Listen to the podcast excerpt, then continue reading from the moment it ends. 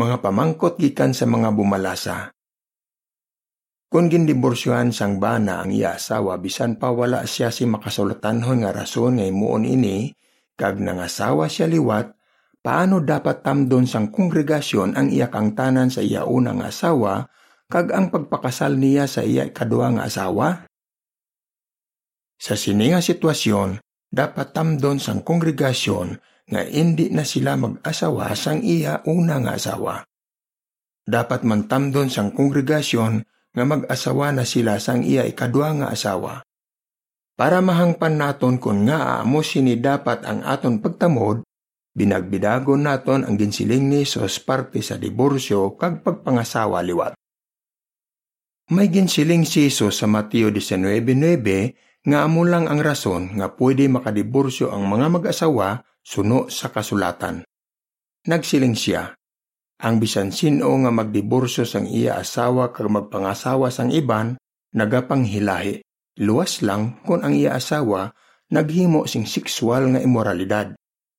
Base sa sining ginsiling ni Hesus, matun-an naton nga una, ang sexual nga imoralidad amo lang ang rason nga pwede makadiborsyo ang mga mag-asawa suno sa kasulatan. Kag ikadua, kung gindiborsyohan sang bana ang iya asawa nga hindi suno sa sining makasulatanhon nga rason, kag nangasawa siya sang iban, nakapanghilay siya. Ang footnote nagasiling, sa sining artikulo, ibutang lang naton nga limbawa nga ang bana amo ang nagpanghilahi, kag ang asawa amo ang inosente. Pero base sa Marcos 10:11 kag 12, matag sa ginsiling ni Hesus nga para sa mga lalaki kag babae ang iya laygay. Balik sa parapo. Buot bala silingon ni Jesus nga ko nakahimo sing sexual nga immoralidad ang bana kag gindiborsyahan niya ang iya asawa, ginatugutan na siya sang kasulatan nga makapangasawa liwat? May dapat pahimuon kag binagbinagon. Kung nagpanghilahi ang bana, magadesisyon ang inusinting asawa kung bala patawaron niya o kung sikwayon ang iya bana. Kung si kwayon niya ang iyabana kag magdiborsyo sila, pwede na makapangasawa liwat ang iyabana kag pwede man siya makapamana liwat basta natapos na nila ang pagproseso sa ila diborsyo. Posible man nga patawaron sang inosinteng asawa ang iyabana kay gusto niya nga hindi maguba ang ila pag-asawahay. Pero ano abi kung hindi gusto sang nagpakighilahi nga bana nga magbalik sa iya asawa bisan pa ginpatawad na siya kag nag-file siya sang divorce bisan pa hindi kumporme ang iya asawa. Bangod handa ang iya asawa nga patawaron siya kag padayunon ang ila pag-asawahay, wala siya sing makasulatanhon nga rason nga makapangasawa liwat. Kung ang asawa siya sang iban bisan pa hindi niya ini pwede himuon base sa kasulatan, nakapanghilahi siya liwat. Dapat magporma liwat sang judicial nga komite ang mga gulang sang kongregasyon para asikasuhon ini nga sala. Kung ang asawa liwat ang bana bisan pa wala siya si makasulatanon nga rason nga himuon ini, paano dapat tamdon sang kongregasyon ang iya kang tanan sa iya unang asawa kag ang pagpakasal niya sa iya kadua nga asawa? Kung basihan ang Biblia, kasado bala siya gihapon sa iya unang asawa? Sa bahin sang inosente nga asawa, Posible pa bala niya patawaron o konsekwayon ang iya bana sang una? Masiling bala nga nagapakighilahi ang bana kag ang iya ikadua nga asawa bisan pa nakasal na sila?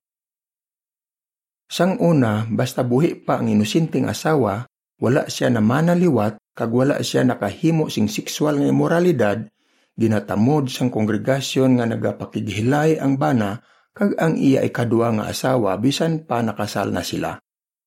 Ginatawag ini nga makihilayion nga pag-asawahay. Pero sang ginbinagbinag ni Isos ang parte sa diborsyo kag pagpangasawa liwat, wala niya ginsambit ang parte sa inosente nga asawa.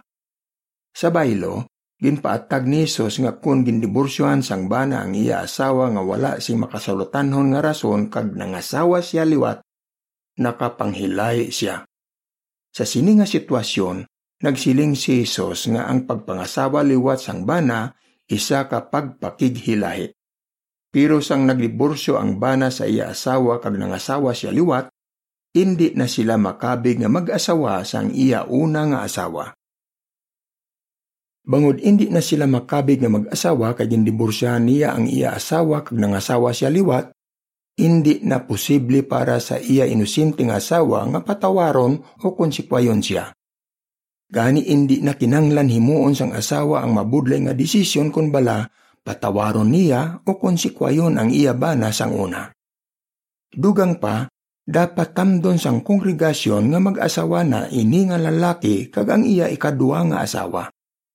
Ini nga pagtamod, wala nagadipindi kung bala buhi pa o kung patay na ang unang asawa kung bala naman na siya liwat o kung wala, o kung bala nakahimo siya sing sexual nga imoralidad o kung wala. Ang footnote nagasiling, ginabag-o sini ang aton paghangop sadto nga kung buhi pa ang asawa, wala siya na liwat o kung wala siya nakahimo sing sexual nga imoralidad, matawag nga makihilayon nga pag-asawahay ang pagpangasawa liwat sang bana. Balik sa parapo. Sa halimbawa ang ginbinagbinag naton, nagpakighilay ang bana kag nagdiborsyo sila sang iya asawa. Pero ano abi kung wala nakapakighilay ang bana, pero nagdiborsyo sila sang iya asawa kag nangasawa siya liwat. O kung ano abi kung wala nakapakighilay ang bana antes sila nagdiborsyo, pero nagpakighilay siya pagkatapos ang ila diborsyo kag nangasawa siya liwat bisan pa handa siya nga patawaron sang iya asawa. Sa sinitanan nga limbawa, ang pagpangasawa liwat sang bana isa ka pagpakighilahi.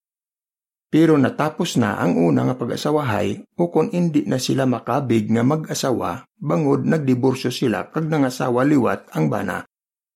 Dapat tamdon nga legal ang pagpakasal sang bana sa iya ikaduwa nga asawa.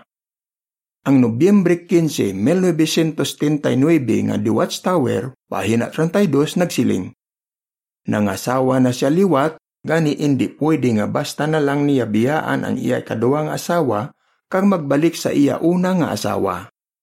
Sang nagdiborsyo sila sang iya asawa, sang nagpangilahi siya, kag sang nangasawa siya liwat, hindi na sila makabig mag-asawa sang iya una nga asawa.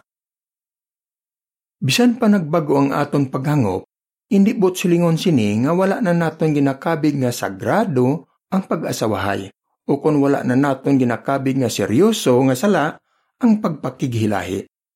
Kung gindiborsyuhan sang bana ang iya asawa bisan pa wala siya si makasulatanhon nga rason nga imuon ini kag nangasawa siya bisan pa wala siya si makasulatanhon nga rason nga makapangasawa liwat dapat magpurma sang hudisyal nga komite ang mga gulang bangod na kasala siya sing pagpakighilahi.